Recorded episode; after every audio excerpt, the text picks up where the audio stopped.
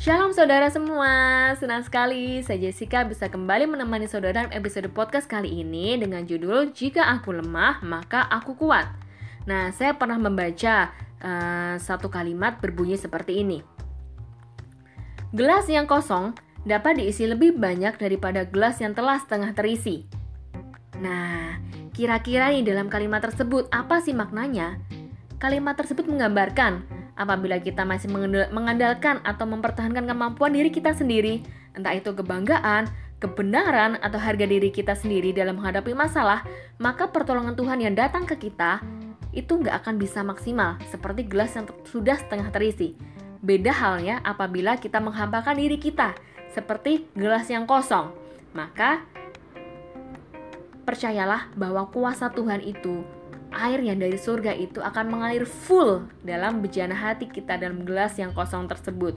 Nah, itu juga yang dirasakan oleh Rasul Paulus ketika mengalami duri dalam daging. Sakit kan rasanya kan? Nah, tapi coba nih ketika mengalami kesakitan itu, bayangin apa yang dikatakan Tuhan kepada Rasul Paulus.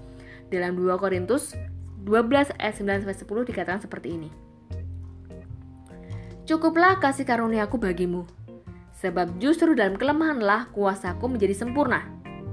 Dan ditanggapi oleh Rasul Paulus, Sebab itu terlebih suka aku bermegah atas kelemahanku, supaya kuasa Kristus turun menaungiku. Sebab jika aku lemah, maka aku kuat. Nah, ini keren banget kan? Rasul Paulus ini jadi intinya adalah mengosongkan diri kita uh, kita merasa bahwa diri kita adalah seorang berdosa, toh sebenarnya kan kita hanya bangsa kafir kan yang diselamatkan Tuhan. Apabila bangsa Israel menerima Tuhan pada saat Tuhan Yesus datang kemarin, itu pasti kita nggak selamat.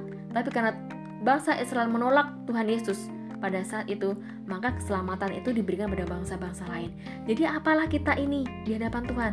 Kita seperti bejana kosong, kita nggak punya daya apa-apa. Maka dari itu, kita harus mengosongkan diri kita supaya kuasa Tuhan itu full datang dalam kehidupan kita.